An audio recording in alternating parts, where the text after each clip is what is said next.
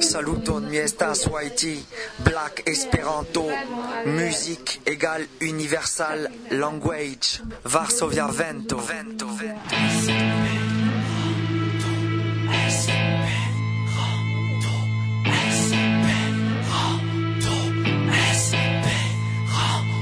Pour une vie à risque, dire une nécessité, résister pour exister, vivre ou plutôt planer, être ou peu évoluer, faire où certains cœurs brillent, mon choix est fait depuis des piges, pas besoin de me justifier. Dessiner, dessiner ce qu'ils veulent pas voir, croire à tout ce qu'ils ont rayé, rapper loin de leur schéma conçu pour se faire souffler, donner car bien peu le fond, sous prétexte de l'avoir fait, continuer dans le fond car un son ne fait que m'animer, offrir ce que je peux pour le monde, vu que chaque idée est en flamme, crier encore à l'union, alors que bien trop la disdaille, justifier ce qu'ils pensent impossible. Je battre contre les vents de la vie, bien loin, moi, de leur connerie. Je veux juste essuyer des larmes. Eta rememoro de bela kun laboro. Kun platano. Yes. Kai eble li audas nin non hazarde, char eh, laste li kiel gerda. Malaperis. Kurczak. Reaperu, cara. Vecigiu, ju pli des pli baldau en eh, relative proxima al vi Szczecino. Relative, czarne temas pri Australio. Okazos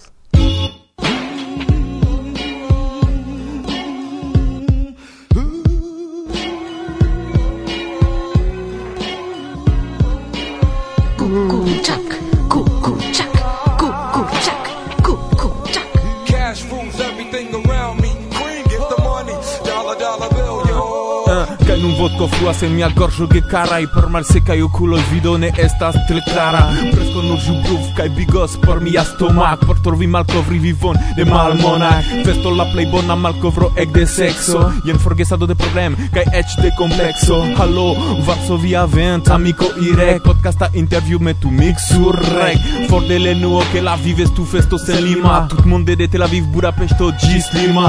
Yes Eligoŝka Saŝka Agat kaj Rufino. Yes ja Esperante ke neniam estu fino. Sub neĝo okazas nia festo jes ja klopodas ne droniĝi sub neĝo tro multa Veninte per longa vojo traina karavana sen fin Festas jel jungiĝas eksperimente mulin Kio okazas ĉio ŝanĝiĝas ĉi tie ronante Nun de korpo al korpo sangon ekbruligante Se esperanturistino vagadas en la homa bazar. Tion vi volis jam delonge jes al la nova jar Reklam kondomoj ĉu vi havas nun viajn Pro niaj trifoje amuziĝu umu ie ajn Via seksa besto revelacia scias vian naturon Dum ja revi supremis nun ek en malpuron. Yes, yes, yo, kaj vi ne haltas Yes, yes, yo, ĉar vi ne povas. Yes, yes, yo, kaj vi ne haltas Yes, yes, yo, ĉar vi ne povas.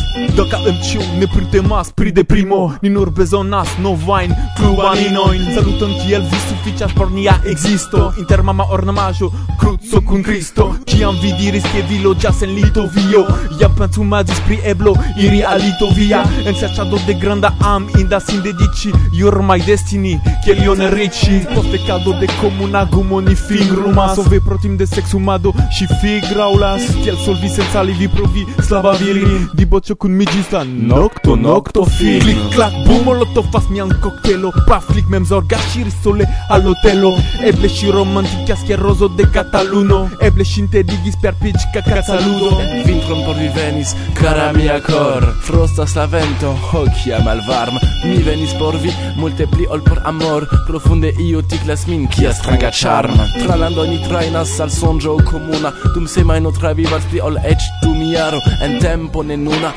Vetero belsuna neĝas en mian koron Dum estas ni paro. Kio okazas nun? Ho, kia diboĉul Ne revu pri amo en via vodka nebul. Kiam vi revenos trinke jen atendos jen nur Por vi sambezna verva knabino senĝen Ek kaj jes kaj festo festo festo. Vi nun aliĝu vidu viajn emojn de besto Kvenĉo kaj emĉo Alekĉo kaj makĉo Vi ne iras rakonti pri ĉio al paĉjo Jes jes jo kaj vi ne haltas. Jes jes jo ĉar vi ne povas povas Yes, yes, yo kaj vi ne haltas Yes, yes, yo ĉar vi ne povas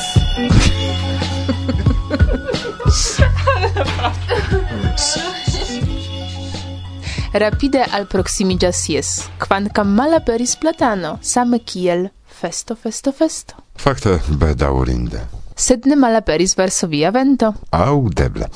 Do caraj, post somero, mm, cae la rapporta periodo venis tempo de la cutimai el sendoi. El nia provisora Varsovia studio. En kiu hodiau kolektigis speciale por vi Rudzia, Sylwia, Kasia Ho, Martusia kaj mi, Irek. Saluton do al vi ciui. Yes, eblas jam sen probleme giui la podcaston pere de saĝa telefono. Faris ni la unuan paŝon adaptigi la retejon al bezonoj de la nuna tempo. Kion signifas la unua paŝo? No, unue ni pli kaj pli rezignas de Flash Player. Gi antaŭ nelonge estis fakte ia standardo en la reto, kaj tiun standardon anstataŭigas ni pere de alia solvo kaj sekve venontjare jam ni komencas adaptigi la retejon por ke ĝi estu pli bone videbla sur ekranoj de viaj telefonoj. Perfekte. Ankaŭ mi ĝojas. Ĉu? Jes, ĉar por aŭskulti la programojn unue mi devis ilin elŝuti. Mi aŭskultis ilin en komputilo. Kaj mi, pere de tuŝ ekrano, kvankam ankaŭ mi devis unue ilin elŝuti. Jes, eblis aŭskulti nin eh, diversforme, kaj nun pli kaj pli cio igios pli simpla por vi, carai auscultantoi. Vere. Vere!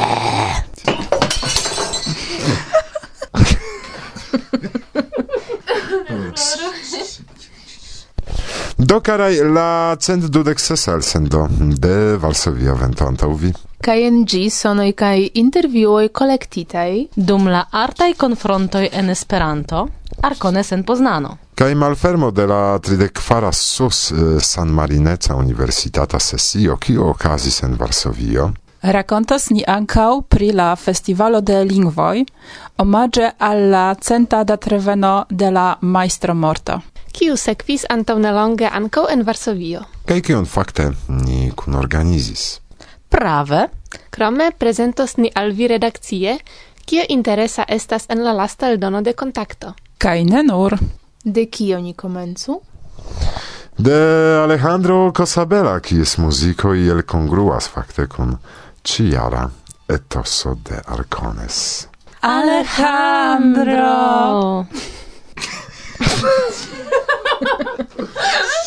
Ce la finis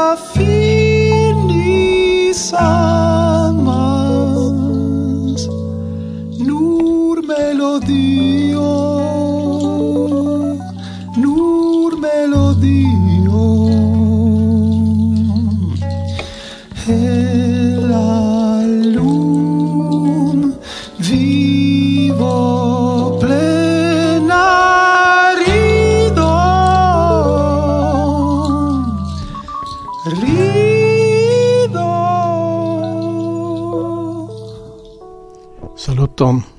Mi estas homo. Mi lernis tion de Zamenhof.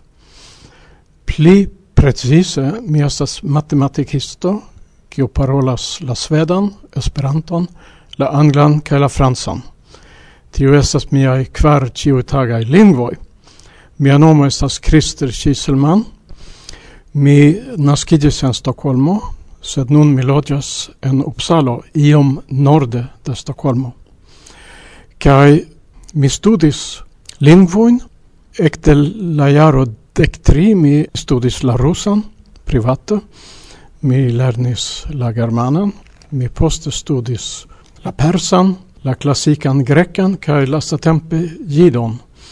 Kai jidon mi extudis giuste pro tio che mi volis lerni pri la cultura fono de Zamenhof kai de Esperanto kaj mi verkis studon pri la jida gramatiko verkita de Zamenhof proximume en 1880 kai li samtempe elaboris lingvan projekton lingvo universala kai multa jakonas eh, grammatikon de jido kelkaj studis eh, la pra esperanton do la lingvo universala, kiel li nomis gin, sed nenio alia comparis la du, kaj pro tio mi estas invitita al Polin en Varsovio en decembro por prelege pri tiu comparo inter la du lingvo projektoj aŭ lingvoj de Zamenhof.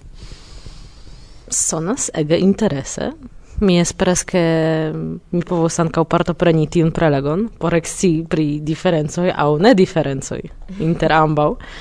Kaj kial vi decidis veni al Varsovio? Kial ne?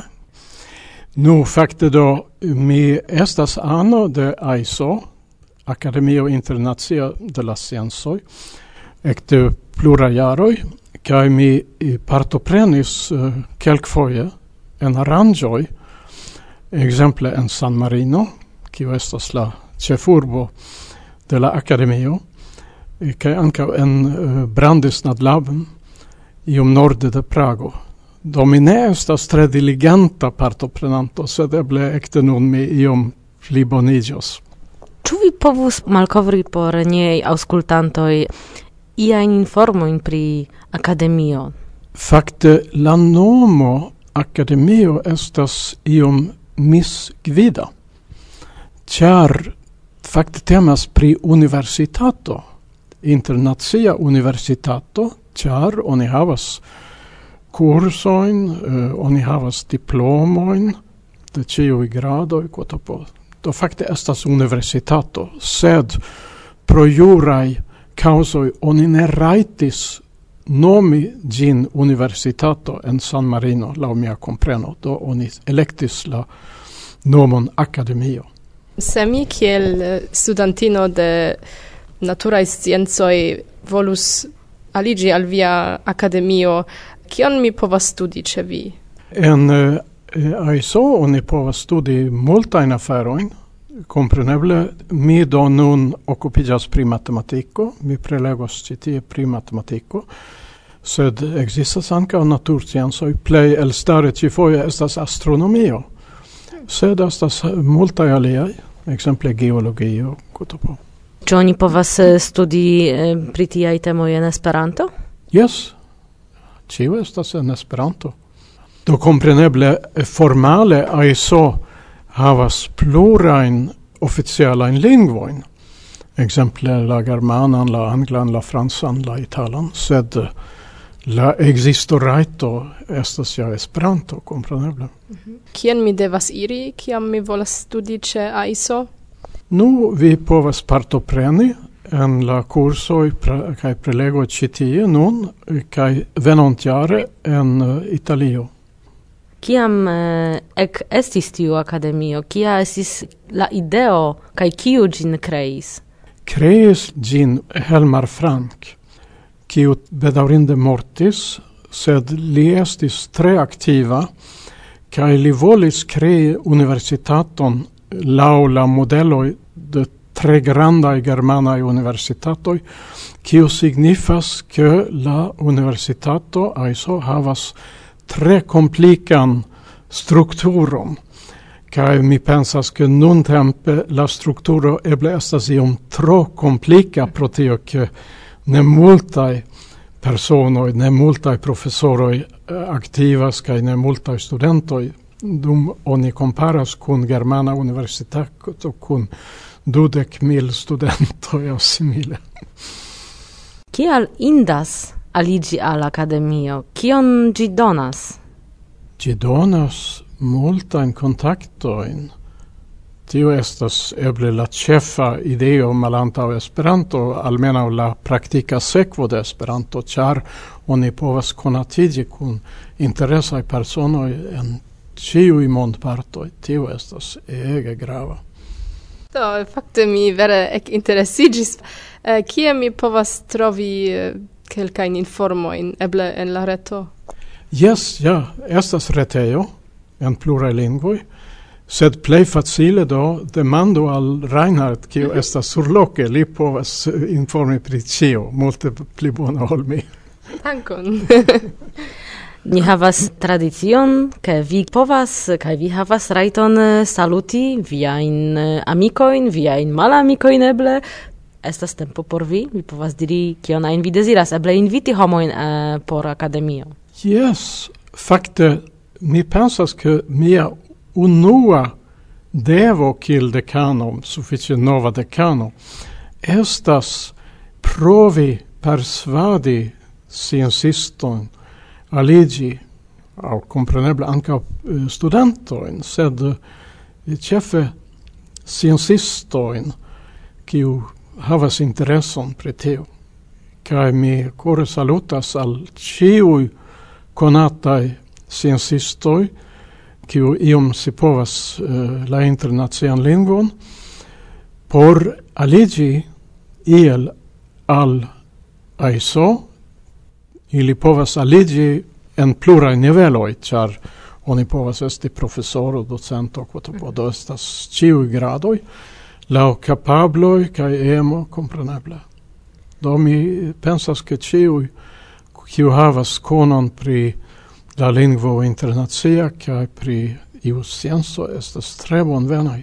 Do por uh, diri la veron mi antaŭe ne konis pri Varsovia vento, sed nun mi havas du elstarajn journalistinoin el Varsovia vento kaj mi tre ĝojas pro la intervju. Kaj do mi deziras al vi ĉian sukceson. Koran dankon. Koran dankon. Dankon. Varsovia vento, bla bla bla.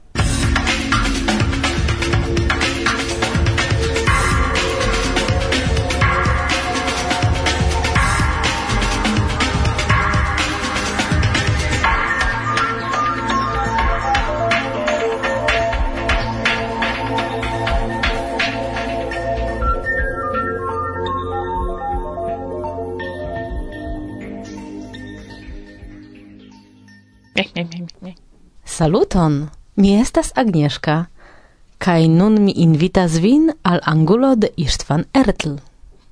Istvan Ertl pri sia patrujo. Mi timas mia landon, nerazita, gi sangon craccias en sian lavabon, gi nutras catoin, cies ocul sparcoi lucide flagras en la stupareio. Cocin restajoin acetas mia lando obtusain messaggistoin gi sendadas cae ne parolas cun la dom mastrino. Mi shatas mian landon. Muco rauce gi frustras al mi maldezain historioin, ia sia agio gi ancora o cocras alterne quelca in sia in exedzinoin. Dimance gi sincombas cae mantremas cun la ministro ce la bier tablo.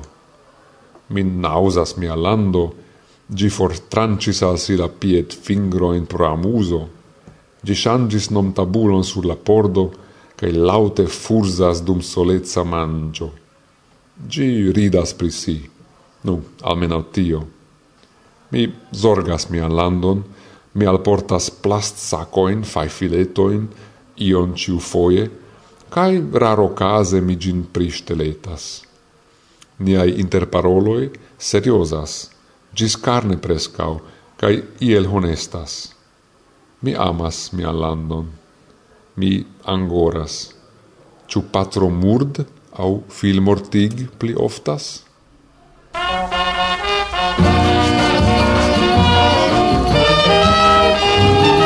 Bum, ba,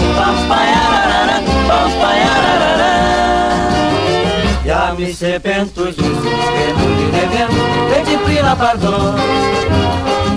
E ao me abofar, para espelhar aquele, em perfida manie.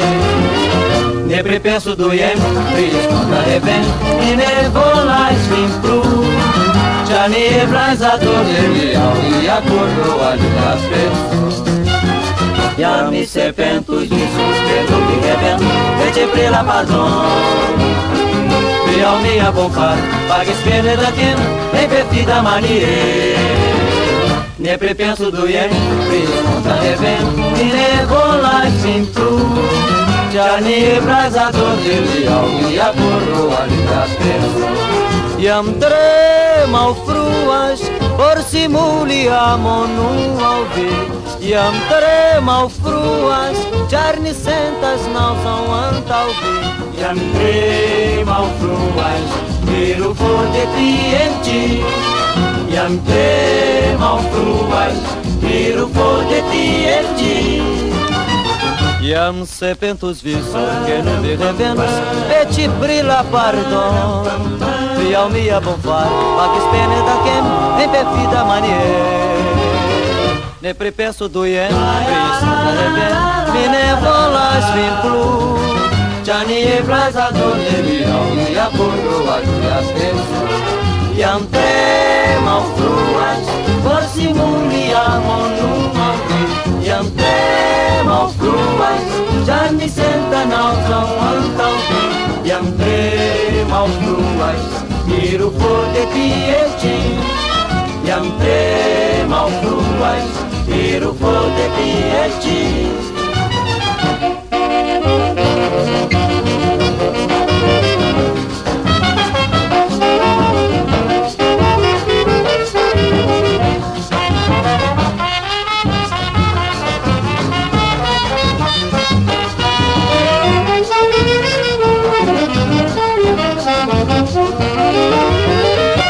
Sepentos disso que não me revendo sempre la pardon.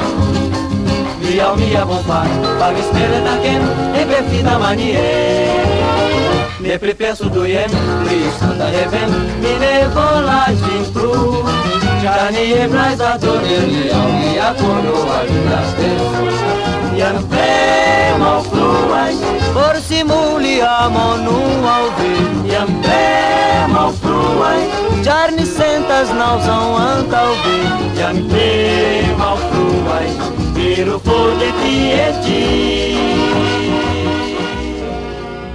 Varsovia, Venton, bla, bla, bla. Kai antaŭ mikrofono de Varsovia Vento Humphrey Tonken. Homo kiu ligiĝas kun kontakto, pri kiu vi aŭdis multfoje, kiu faris multon en Esperanto kaj por Esperanto. Ĉu vi povas koncize rakonti vian eh, etan aventuron kun kontakto unue? Kun kontakto, tio estas antaŭ longa tempo. Uh, mi estis la unua redaktoro de kontakto, kaj tio devus okazi, mi nun forgesis la jaron, verŝajne 1963, ĉu? Kaj mi havis nenian ideon kiel redakti revuon, ĉu ne? Sed tamen successis collecti articoloin, faris contacton con la homoi, cae lancis la revuon. Kai la mirinda afero estas che ge ancora dauras, ciu ne? Ciu vi ancora legas contacton? Yes, yes, mi regule legas gin, cae gi estas inter la plei bonae revuoi, en tute kiu estas troveblaj en Esperanto. Kaj mi diru, ĉu ne, ke laŭ mi la redaktoro faras bonegan laboron. Absolute. Mi estas granda subtenanto de li. Hozener, ĉu vi aŭdas tion? Hozener estas nuntempe ĉefredaktoro de Kontakto. Hamprey Esperanto estas kiel tablo, de kiu multaj deziras preni manĝojn kaj gustumi, sed prizorgas la tablon ne multaj. Kaj vi eĉ subtenas existon de la tablo. Kial? Kial vi usonano kiu kiel Zamenhof diris, jam trovis solvon unu lingvon por la tuta continento. Kiel vi, giuste, subtenas che la tablo ne falu? No, fin fine Esperanto faricis parto de mia vivo, ĉu ne? Mi lernis Esperanton kiam mi estis gimnaziano, kaj preskaŭ tuj entuziasmiĝis, kvankam en la komenco mi fakte ne credis che homoi parolas tiun ci lingvon, montricis poste tamen che yes, cae mi tui activigis, mi estis mirigita de tio che mi povis rencontigi con homoi el aliai landoi, cae, uh, cae lerni pri iliai landoi, cae amicigi con ili. Mi havis grandain aventuroin en Esperanto en tiui frua jaroi. Venis al Varsovio, exemple, por la congresso in 1959, kiu estis ankaŭ granda aventuro. Kaj iom post iom, cune mi altrovis, che tiu Esperantujo estas comunumo de vere interesai homoi. Kaj protio che mi multon lernis el ili, uh, mi compreneble volas multon redoni, por tio diri. Do, ne temas pri tio, che, che mi ia maniere, cune aparte interesigas pri gvidado, char mi vere ne aparte interesigas pri gvidado. Sed mi ja opinias, che ciu homo, ciu lernas Esperanton, shuldas ion, cae indas, cune, repagi sian shuldoin. Do mi demandis kial, char estas pli ol redono de shuldo. Mi pasigis iom da tempo, cune, ce UEA, laboris kiel estrarano, faricis presidanto, poste vice presidanto, denove presidanto, sed Ciam mi atingis finon de tiu periodo, do en 1989, mi diris al mi mem, mi jam ia sense faris tion kion mi povas fari, kai non estas tasko de aliai homoi transpreni tion. Sed mi anca volis, cune daure resti en la movado, do tiam levigas la demando, kiel mi povas fari tion.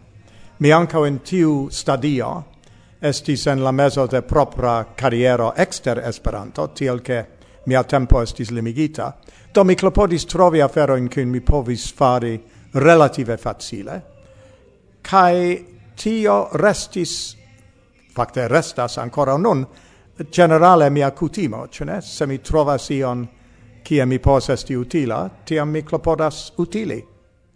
Do mi estas membro, por tiel diri, de teamo, cae volas resti tia conservi tiun flamon al Esperantujo, kiu foje evidentigas ne Esperanto, sed Esperantujo, eĉ malamica al tiu, kiu agas, ĉar malhelpas agi, foje mi tion ancau constatis.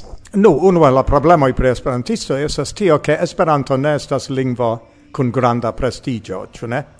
Do la homoj kiu lernas Esperanton kaj restas ce gi, malgraŭ ofte la mocoi de aliaj homoj, Eh, tiu homo devas esti obstinulo.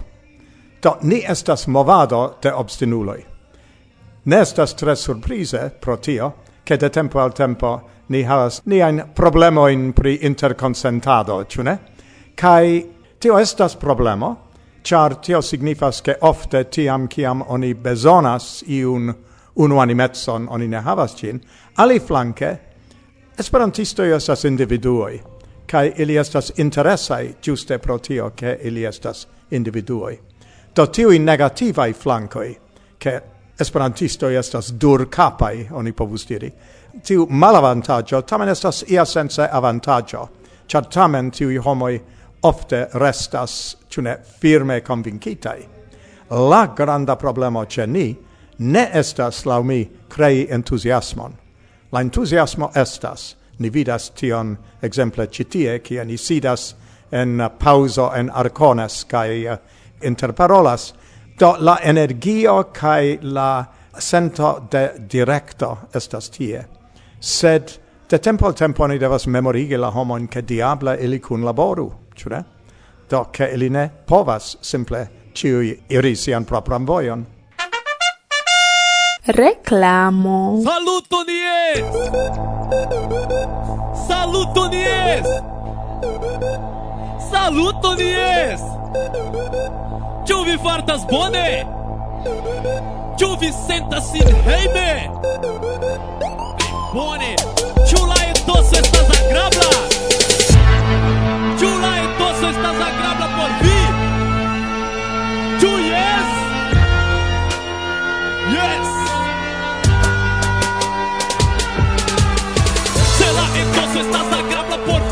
mi Perco mi sentas in hejme, mi partas remone Ni sentas plezuro, ni ago in trone estas magia, grandiosa, estas dolcia la momento Nia coro nur pleniĝu per contento, per vigleco, per arto ankaŭ Per emozio, per la entusiasmo potente de tiu medio De tiu festo mojosa, tre impona, solena Vendo flue, vendo glate al la vendo plena Vendo ĝui fervore, vendo, vendo tute estas baro por felicio, por deziro Venu e etoso estas ne estas manko de ces Estas apuko de ĝojo vendo festi sen Vendo Venu ĝui fervore Vendo cara sen De estas baro por felicio Por desiro che yes E toso estas favora De estas manco de ces Estas apuko de ĝojo De bonhumoro ĉe jes vendo ĝui fervore Vendo, vendo sen De estas baro por felicio Por desiro che yes E toso estas favora De estas manco de ces Estas apuko